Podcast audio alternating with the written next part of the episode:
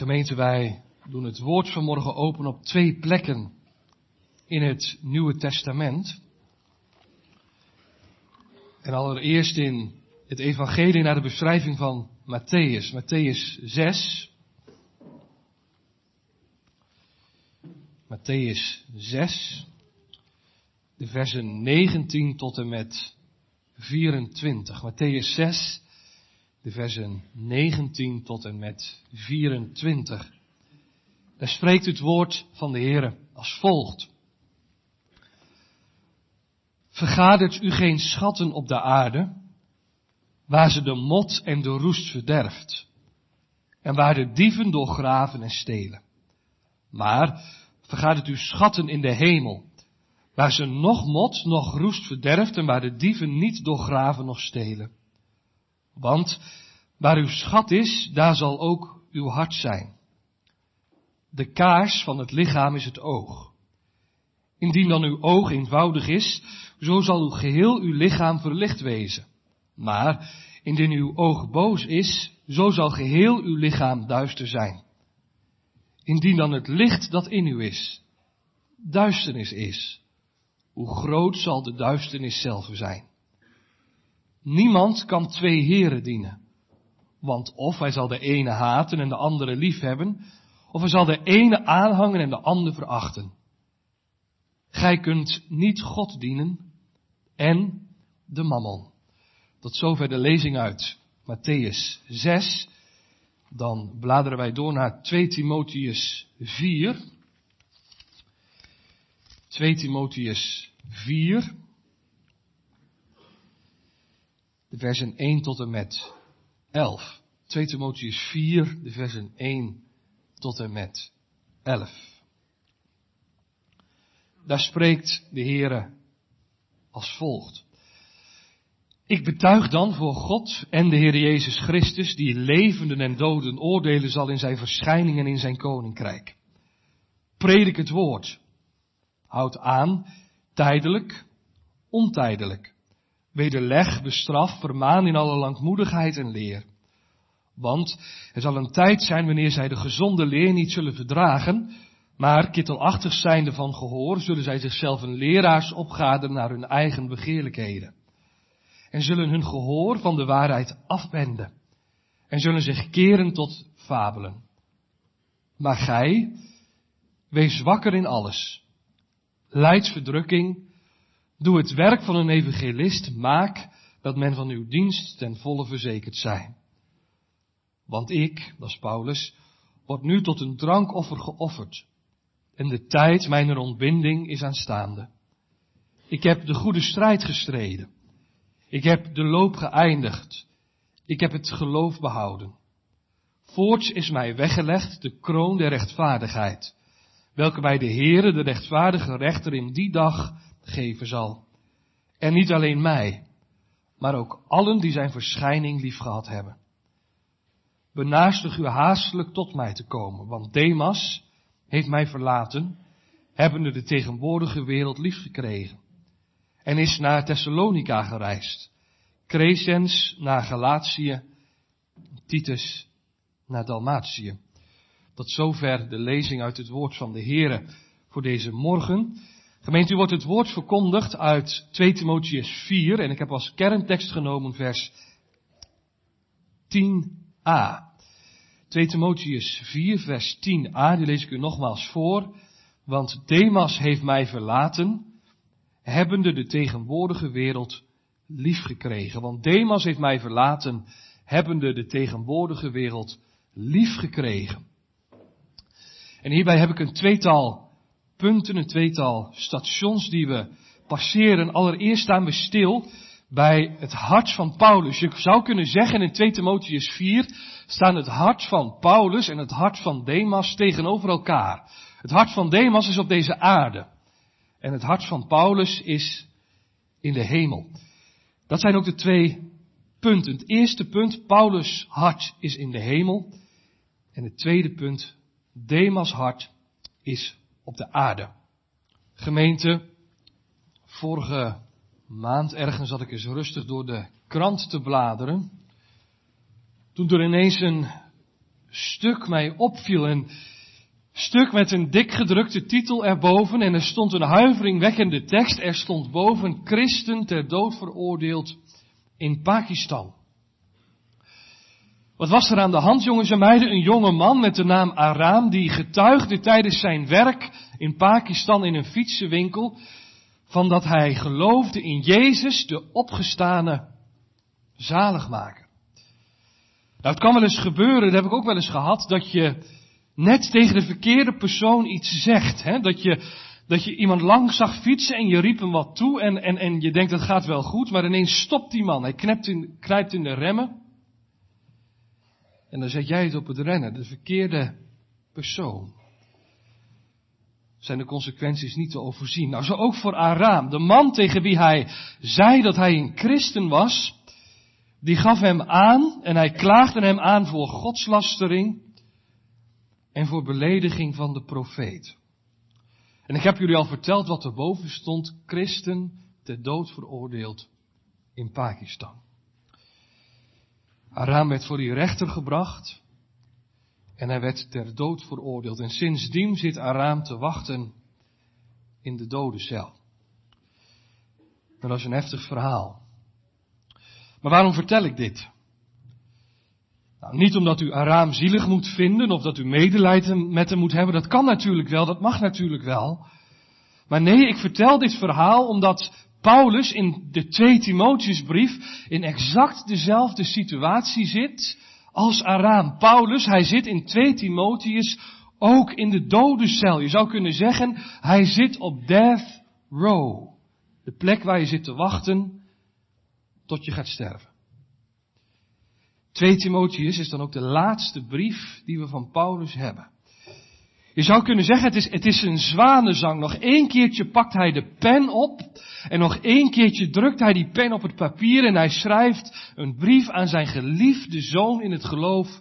Timotheus, lieve Timotheus, het is bijna zover dat ik moet sterven. Maar ik schrijf nog één keer een brief. Tijdens de voorbereiding toen zat ik te denken, wat heeft die Paulus meegemaakt, hè?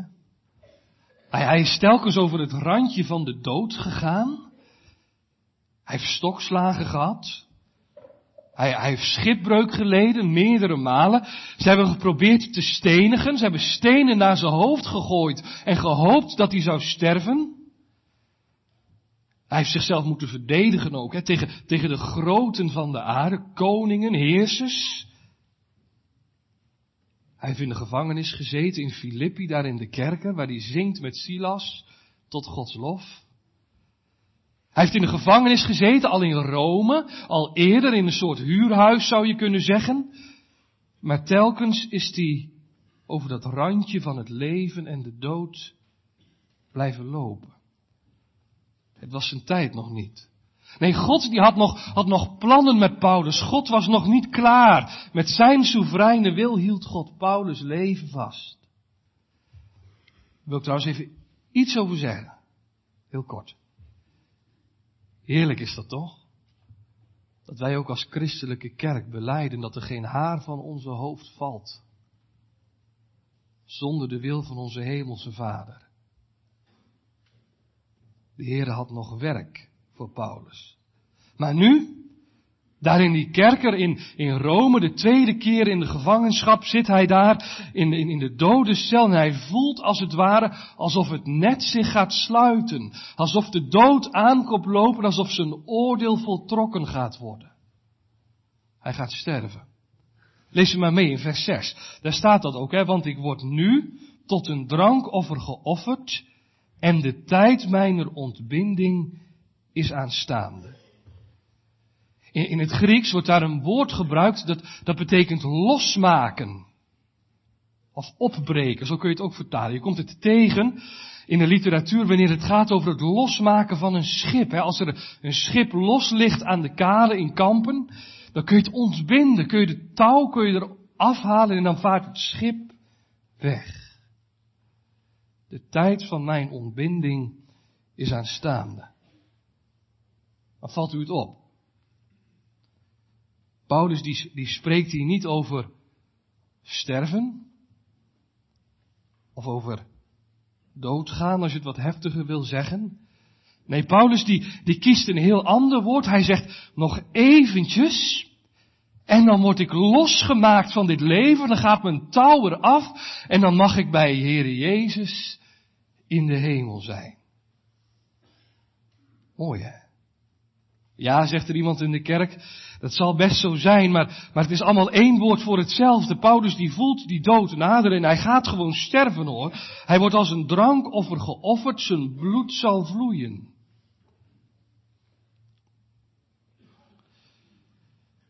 En Paulus die weet ook, net als u en ik, dat de mens eenmaal gezet is om te sterven en dan het oordeel.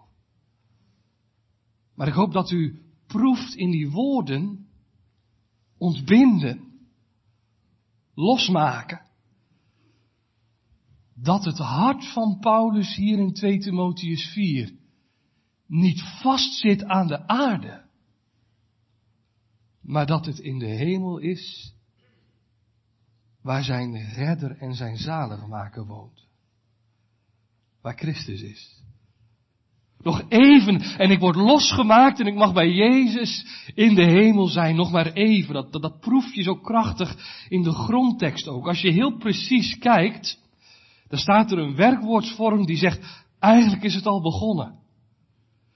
Dat touw van mijn leven, het wordt al losgeknoopt, al losgemaakt en, en, en de fles van mijn levenssappen is al ontkurkt en ik word straks uitgegoten als een drankoffer. En het is alsof hij tegen zijn lieve zoon Timotheus wil zeggen, en dat bedoel ik niet oneerbiedig, maar ik kort het wat af. Hij zegt, Timo jongen, Timotheus, nog maar heel, heel even. En dan mag ik uitrusten van die zware strijd, vers 7. Hè? Ik heb de zware strijd gestreden. De strijd tegen de zonde. De strijd tegen mijn eigen hoogmoed en tegen mijn eigen dwaasheid. Ik ellendige mens, wie verlost me van het lichaam deze doods? Nog even en dan word ik losgemaakt en dan hoef ik niet meer te strijden, maar dan mag ik bij de Jezus zijn. Christen kent daar iets van, hè? Hoe lang nog? Het is alsof hij zegt, Timotheus jongen, nog heel even. En dan mag ik uithijgen. Ik heb de goede loop gelopen. Ik heb, ik heb de hardloopwedstrijd gelopen en nog eventjes. En dan mag ik uithijgen aan de voeten van mijn zaligmaker. Ja, mijn ziel dorst naar de Heer, God des levens. Ach, wanneer zal ik naderen voor uw ogen. Hij verlangt naar het einde van zijn inspanning. En er staat nog wat, hè. Nog even, Timotheus, en dan houdt mijn geloven op. Ik heb het geloof behouden, staat er. In het Grieks staat daar een woord dat betekent bewaken, beschermen. Nog eventjes Timotheus en dan, dan hoef ik mijn geloof niet meer te beschermen, hoef ik niet meer te strijden. Want wat gebeurt er dan? Dan gaat mijn geloof over in aanschouwen. Dan mag ik Jezus zien voor wie Hij is. Dan denk ik aan die tekst uit Filippenzen 1 vers 23. Proef je er helemaal achter. Ik heb de begeerte om ontbonden te worden en met Jezus te zijn, met Christus te zijn, want dat is zeer ver weg het beste.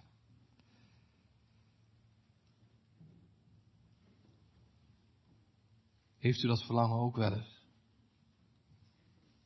En u moet me goed begrijpen. U hoeft niet te verlangen naar, het, naar de dag van je sterven. Absoluut niet.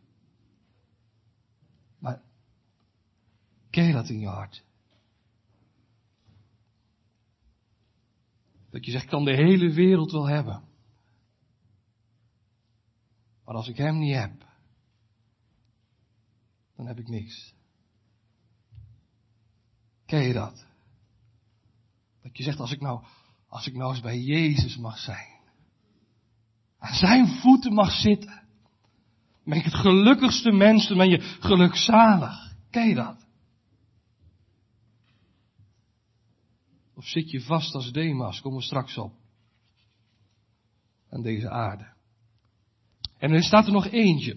Paulus die zegt, Timotheus, nog even, en ik zal de kroon der rechtvaardigheid op mijn hoofd gezet krijgen. Dat is het eeuwige leven.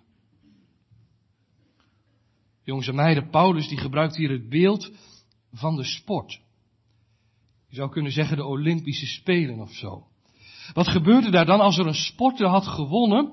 Noemen we discipline hardlopen, discuswerpen. Dan werd er een, een kroon van olijftakken op zijn hoofd gezet. Dan kon je zien, dit, dit is de winnaar, hij heeft overwonnen.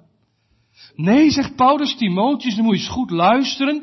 Ik krijg geen tak van olijf, geen kroon van olijftakken op mijn hoofd, maar nog even. En ik krijg de kroon van het eeuwige leven op mijn hoofd gezet. Nou, dat is wat. Een hele opsomming, de goede strijd gestreden, de loop gelopen, het geloof behouden en ik krijg die kroon op mijn hoofd. En gemeente, dat staat er niet voor niets. Het is, hier, het is er om u hier in IJsselmuiden duidelijk te maken. Dat het hart van een christen niet hier op deze aarde is. Het hart van een kind van God is niet vast aan deze tegenwoordige wereld, aan deze wereld, maar is ten diepste bij de Heere, zijn zaligmaker in de hemel, daar waar Jezus is. Waar uw schat is, daar zal ook uw hart zijn. Lazen we zojuist. Wat een tegenstelling, hè? Met het hart van Demas. Moest denken aan een uitspraak, die dominee Doornenbal wel eens deed. Nou, jongens en meiden, misschien weten jullie niet meer wie dat was, maar dat was een hele bekende dominee. En die zei, zij die heimwee hebben, die komen thuis. Dat is 2 Timotheus 4. Daar proef je het. Nog even en dan ben ik bij de Here in de hemel. Nou, als je wel eens uit logeren bent geweest, jongens en meiden. Misschien zelfs op een korte vakantie bent meegeweest en je krijgt heimwee met een vriendje of een vriendinnetje. Nou, dan wil je eigenlijk maar één ding, hè? Dan wil je zo snel mogelijk wil je terug naar huis. Dan wil je zo snel mogelijk weer zijn op de plek waar je je geliefd voelt, waar je waar je, je prettig voelt. Zo is het ook bij Paulus. Hij heeft heimwee naar Jezus. De liefde van zijn hart. En dan word ik even stil. Want hoe zit het nou bij u en bij jou? Leeft dat ook in je hart? Die heimwee naar de Heer Jezus. Demas niet. Dat genoeg aan deze wereld. En ik denk ook wel eens, als, en dan preek ik ook tegen mezelf, dat we het in onze westerse wereld wel zo goed hebben dat het makkelijker is om aan deze tegenwoordige wereld vast te houden dan, dan met de Here te leven. Ken je dat? Die heimwee. Ja, zegt er iemand. Maar Paulus, dat is een gevorderde christen. Ik, ik kan me toch niet vergelijken vanmorgen hier in IJsselmuiden, grafworst in de kerk in 2022 met, met Paulus. Die zoveel van de Heer heeft gekregen, zoveel heeft meegemaakt. Kan toch niet? En toch ligt hier gemeente vanmorgen een toetssteen. Een toetssteen wordt gebruikt om te kijken hoe zuiver het goud is. Toets u zelf vanmorgen. Ken ik dat, die heimwee? Verlang ik ernaar diep van binnen om, om bij Jezus te zijn, om bij Christus te zijn. En ik weet wel, dat kan aangevochten worden in je leven, dat heb ik ook. En er kunnen perioden zijn van droogheid en schemer, maar toch ligt op de bodem van het hart van een kind van God. Dat verlangen om aan Jezus voeten te zijn. Straks, als de nieuwe dag begint Zing je dat lied wel eens met verlangen? En het licht, het van het duister wind, mag ik bij hem binnengaan. Mag ik voor zijn troon gaan staan. En dan hef ik daar mijn loflied aan. Bij Christus te wezen, hem de lof zingen, is verreweg het beste. En weet je wat de scherpte is? U voelt vanmorgen precies, u weet vanmorgen precies, ben ik daar binnen of sta ik daar buiten? Stel er een andere vraag bij. Zou je in de hemel willen zijn als Christus daar niet was?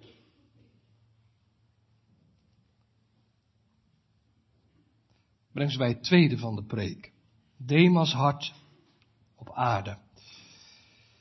Nou, jongens en meiden, als ik aan een van jullie vraag, op wie zou je willen lijken? Dan kan het maar zo zijn dat je zegt van ik wil wel graag lijken op mijn vader. Of, of, op, op, een voetballer, of, of, een, of een goede ondernemer of zo. Dat je denkt van als ik zo was, dan, ja, dan was ik echt gelukkig. Als ik je één tip mag geven. Als je op één persoon niet wil lijken vanmorgen, dan is het op Demas. En iemand in de kerk die denkt bij zichzelf, ja, dat zal best wel, maar, maar ik kom die Demas nu voor het eerst tegen. Wie, wie is die Demas eigenlijk? Nou, Demas, zijn naam, dat, dat is een afkorting van Demetrius. En Demetrius, dat was de Griekse godin van de groei, de vruchtbaarheid. Maar ja, dan, dan weet je nog niet veel meer. Nee, het woord zegt er ook iets over. Demas, het was een getrouwe medearbeider van Paulus. In Filemon, vers 24, daar kom je dat tegen. Daar staat Marcus, Aristarchus, Demas, Lucas, mijn medearbeiders. Dus Demas, hij was een medearbeider in het koninkrijk van God, in de, in de verbreiding van het evangelie. En je komt zijn naam nog ergens tegen, Colossense 4 vers 14.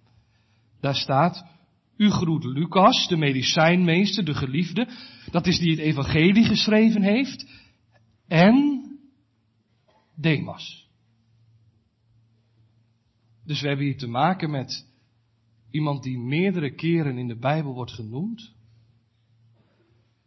Met naam en toenaam. Nou, dan, voel je wel aan, jongens en meiden. Die, die, die, die heeft het ver geschopt met naam en toenaam in de Bijbel dan, dan heb je wat betekend voor het evangelie. Hè? Dan, dan moet Paulus je in hoog aanzien hebben staan. Dan, dan ben je een goeie geweest.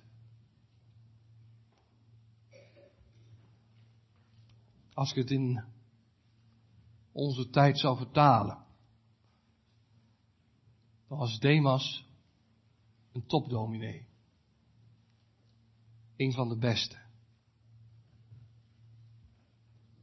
Maar van die dominee wordt gezegd, hij heeft de tegenwoordige wereld lief gekregen.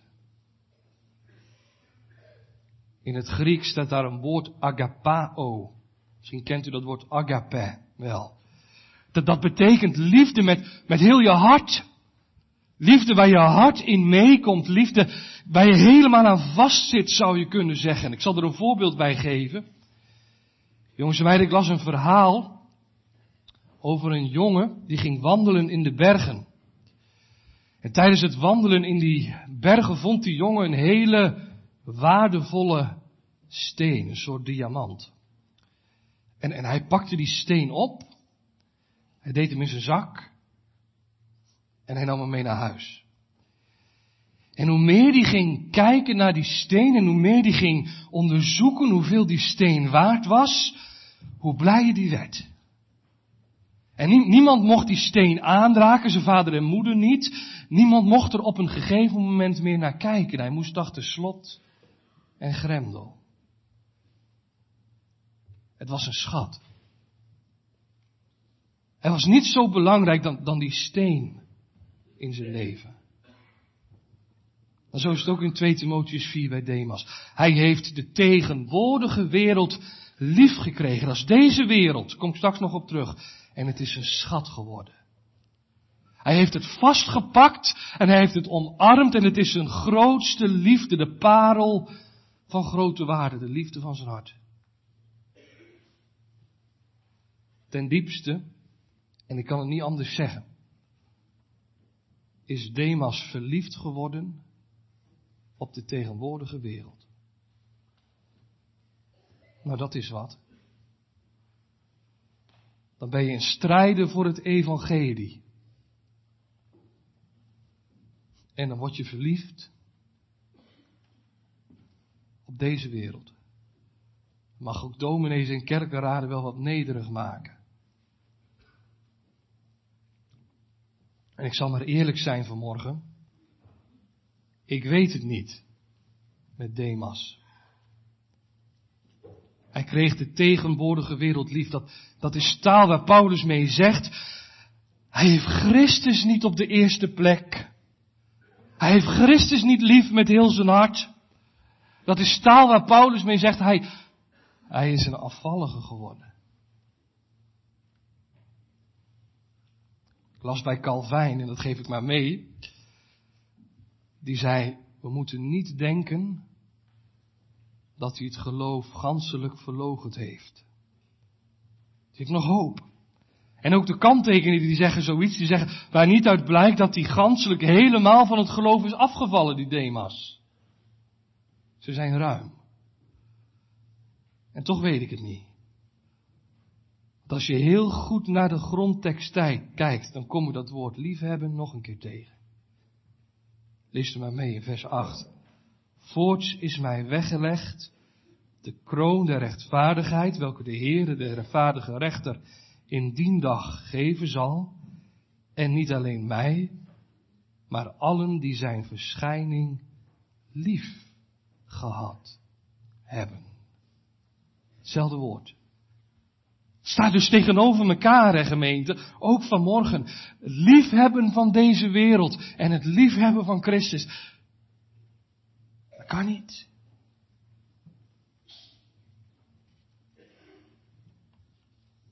Het wordt dus heel helder. Dat is geen gereformeerde theologie of zo. Het wordt dus heel helder. We lazen het zojuist in Matthäus. Je kunt geen twee heren dienen. Of u wel. En wees nou eerlijk. Het is misschien niet goed om altijd in je eigen hart te zitten peuren. Maar als je kijkt naar jezelf, jullie ook jongens en meiden, dan is het ten diepste toch maar één liefde. Dan is er maar één Heer toch in je leven waar je ten diepste van zegt, daar doe ik het mee. Dat is mijn liefste. En nu zegt dit woord vanmorgen, dat is of de Heer Jezus Christus, of je hebt je tegenwoordige wereld lief en dan ben je zelf. Je eigen verlangens in je eigen begeerte. Dan word ik even weer stil. Want dat willen u en ik graag, hè? Ook een IJsselmuiden grafworst. Twee heren dienen van twee walletjes eten. Je zondige hart, je wil het liefst zeggen, nou, ik, ik, doe toch iets met de Heer, een beetje godsdienst, maar, maar aan de andere kant ook de wereld erbij houden, is toch ook wel belangrijk. En, en je belandt dan in dat grijze gebied. Maar het woord zegt onmogelijk. Het is of Christus of de wereld. Of je bent een kind van het koninkrijk van God, of je bent een kind van deze wereld. En weet u wat nou zo mooi is? Ik hoop dat u dat proeft en kent. Als de liefde van de Heer Jezus in je hart is, dan is je hart bij Hem. Dan kun je net als Paulus en Silas, moet op je in laten werken. Paulus en Silas, ze zitten daar in de gevangenis in Filippi, in de, in de donkerste kerken, met, met kapotgeslagen rug en, en pijn en, en verdriet. Maar ze zingen hem de lof. Zal zijn lof zelfs in de nacht zingen waar ik hem verwacht. Je hart bij hem? Dan kun je zelfs in de dode cel daar in Pakistan zingen van je heiland, van zijn liefde wonde groot, die zichzelf gaf aan het kruishout en je redden van de dood. Dan kun je, als je merkt in dit leven, wanneer je ziek bent en misschien wel sterven moet, kun je zeggen, mijn Jezus, mijn redder. Er is niemand als u. Je moet me goed begrijpen vanmorgen. Ik zeg niet dat er in het hart van een christen geen aanvechting kan zijn. Geen moeite kan zijn. Maar als je Jezus lief hebt, dan zeg je toch, roem wereld, roem schattige, kun niet bevatten hoe rijk ik wel ben. Ik heb alles verloren Christus verkoren. Wie's rijkdom ik ken. Toch? Proeft u. Proef je dat? Het hart van Paulus en het hart van Demas, wat, wat een verschil, wat een contrast daarin zit. Demas hart, de tegenwoordige wereld, daar wil ik nog wat, wat over zeggen. In de grondtaal staat daar heel letterlijk de nu tijd. Het zijn twee woorden in het Grieks. Dus hij verlangt niet, net als Paulus, naar, naar die kroon van het eeuwige leven. Nee, hij is verliefd op de nu-tijd. En dan ga ik even wat prikkelends zeggen. Dat denk je ook wel eens van kerkgangers. Als je de auto's het kerkplein op ziet draaien tegenwoordige wereld liefde. Nu tijd. Nou jongens en meiden, wat denken jullie dat het geweest is? Hield u meer van, van, van het theater, en dan maak ik het even naar deze tijd, hield u meer van, van de kate en van de disco en van het uitgaan dan van de Heer Jezus? En is die daarvoor gevallen? Wat denk je? Of vond hij het geld, dat kan ook het geld en het comfort belangrijker dan de Heer Jezus Christus? En dan kijk ik de ouderen ook wat aan. Uitleggers die denken dat het met geld te maken heeft. Mogelijk had Demas zelf een bedrijf thuis in Thessalonica. Hij staat ook, en dat hij naar Thessalonica is gereisd. Dus zeggen ze, het zou goed kunnen dat hij zijn zaak belangrijker vond dan de zaak van Christus. Wat zou het zijn? Het woord vult dat niet in. Mooi hè? De Heilige Geest vult dat niet in. Misschien wel heel bewust. Hij zegt alleen, Demas heeft de tegenwoordige wereld lief. Waarom? Zodat u vanmorgen hier in IJsselmuiden Grafhorst zich af kunt vragen. Is er een Thessalonica die ik meer lief heb dan mijn heiland? Is er in mijn leven een Thessalonica die ik liever heb dan Jezus? Vult u het eens in? Is het je geld? Dat kan hè?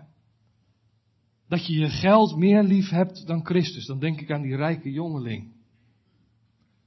Hij had alles gedaan voor de Heer. Hij wilde, hij wilde alles doen. Maar aan zijn geld, daar mocht de Heer niet aankomen. Dat was een kostbare steen. Dat was de schat die de bewaakte. Is het je geld? Of het tweede, kan ook je vrome godsdienst zijn, hè? je theologie of je dogmatiek, als je misschien daarover nadenkt. En net als die fariseeërs, je weet, je weet precies hoe het moet, je weet precies hoe het allemaal gaat in het geestelijk leven, je hebt overal een mening ook over. Maar als het gaat om de liefde tot Christus in je hart, nergens te bekennen. Jezus zegt het zijn gepleisterde graven. Mooi van buiten, dood van binnen. Of is het je gezin? Dat kan ook. Je vrouw, je kinderen. Ja, zegt er iemand in de kerk, dat gaat me toch veel te ver. Het is toch niks mis mee om, om van je vrouw en van je kinderen te houden, om ze lief te hebben, om ze te koesteren. Nee. Dat is zelfs een opdracht uit het woord. Maar ik denk aan Lucas 14, waar ik onlangs over mocht preken. De gelijkenis van het feestmaal, van het avondmaal. En wat gebeurt daar? Daar wordt een man uitgenodigd en die heeft een excuus. En die zegt, beste meneer, ik kom niet, want ik heb een vrouw getrouwd. En daarom kan ik niet komen. En dan ga ik kort door de bocht. Maar hij had zijn vrouw liever dan Christus. En hij zat niet aan de tafel. Dat zegt het woord. Misschien kun je wel heel ver meekomen vanmorgen. Met de dingen van het geloof, hè. En je ziet er wel iets in, in die, die vergeving van zonde. En, je ziet wel iets in dat, dat God ook liefde, eh, in zijn liefde Christus heeft gezonden om ook zondaren zalig te maken. Maar als het puntje bij het paaltje komt, zit je vast aan de aarde. Bij een Orpa. Mooi beeld. Orpa, zij staat op de drempel van het beloofde land, van de hemel. En ze staat daar op de drempel en toch heeft ze Moab liever dan de God van Israël. Ken je dat? Je staat op de drempel. En toch zeg je, maar het moet je wel gegeven worden. Dat hele evangelie u verkondigt, zondag aan zondag, dat het bloed van Jezus Christus, Gods Zoon, reinigt van alle zonden. Mag je zo aannemen, aanpakken. En ik wil niet over de pastorale moeite en pijn heen stappen. Maar je zit vast aan de tegenwoordige wereld. Demas, hij had tegenwoordige wereld lief. Het kan zijn, hè, dat je je vanmorgen hier in de kerk voelt als een Demas je eenmaal op de toppen van je geloof hebt gezeten en dat je vooraan in de strijd voor het evangelie liep. Misschien ben je zelfs ambtsdrager geweest en, en dat je het wel kon zeggen ook met de taal van het hooglied, u bent mijn liefste. Mijn liefste is van mij en ik van hem. Maar je hebt de tegenwoordige wereld lief gekregen. Je bent je eerste liefde verloren. Weet u, ik, ik kan u niet vertellen hoe het is afgelopen met Demas. Of hij zich nog bekeerd heeft. Ik weet het niet. Maar ik mag u vanmorgen verkondigen, en dat is genade van God. Dat een Demas uit IJsselmuiden grafworst, die de wereld zo lief heeft en zo aan vastzit, Christus gekomen is tot de volkomen verzoening van al je zonden. Zie nou vanmorgen de liefde van de Heer Jezus. De liefde van Hem Wanneer hij aan het kruishout van Golgotha uitroept, mijn God, mijn God, waarom hebt u mij verlaten? Toen had u u. Die Thessalonica naar Thessalonica heeft in zijn leven, net als ik. Had u u op het oog om u zalig te maken. Om u los te maken van die tegenwoordige wereld. En deze Jezus, mijn gebed dat u dat mag meebeleiden, is veel meer waard dan het kostbaarste goud hier op aarde. We gaan afronden met een verhaal. Het is het verhaal van een man en een kind. En die man en dat kind die waren uitgenodigd om te komen wonen in het rijkste land, het mooiste land van de wereld. Een beeld voor de hemel. En beiden gaan op die uitnodiging in. En als eerst meldt die man, die oudere man, zich bij de grenspost van het land. En hij heeft een aanhanger bij zich. Hij heeft koffers opgeladen, hij heeft, hij heeft van alles en nog wat erbij gedaan, zo'n bank en een tafel en, en weet ik wat. En hij komt daar bij die grens. En die grensbewaker die zegt, beste man, bent van harte welkom. Je kunt alles krijgen als je binnen bent. Maar alles wat je bij je hebt, moet je achterlaten. En die man die, die, die begint te protesteren en die zegt, en dit en dat en zus en zo en waarom kan dit dan niet mee? En als ik dan dit achterlaat, maar dit toch meeneem, kan het dan wel naar binnen?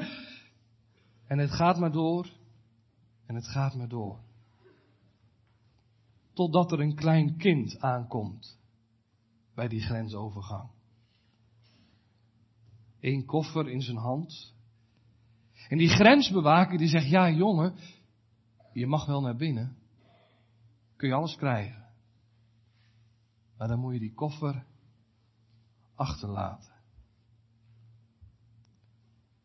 En die jongen, hij probeert de grensbewaker niet af om te praten, over te halen.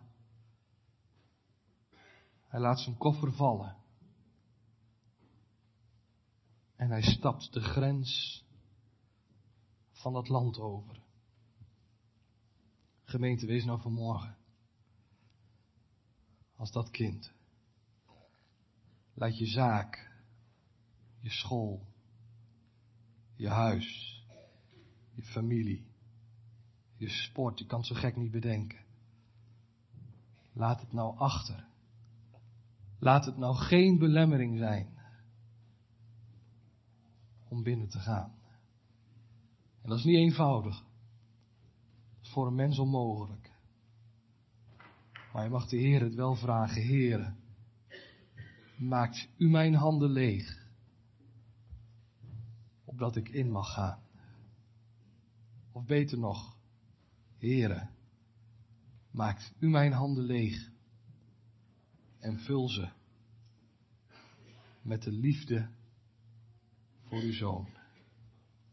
Dat ik het net als Paulus door het geloof mag zingen.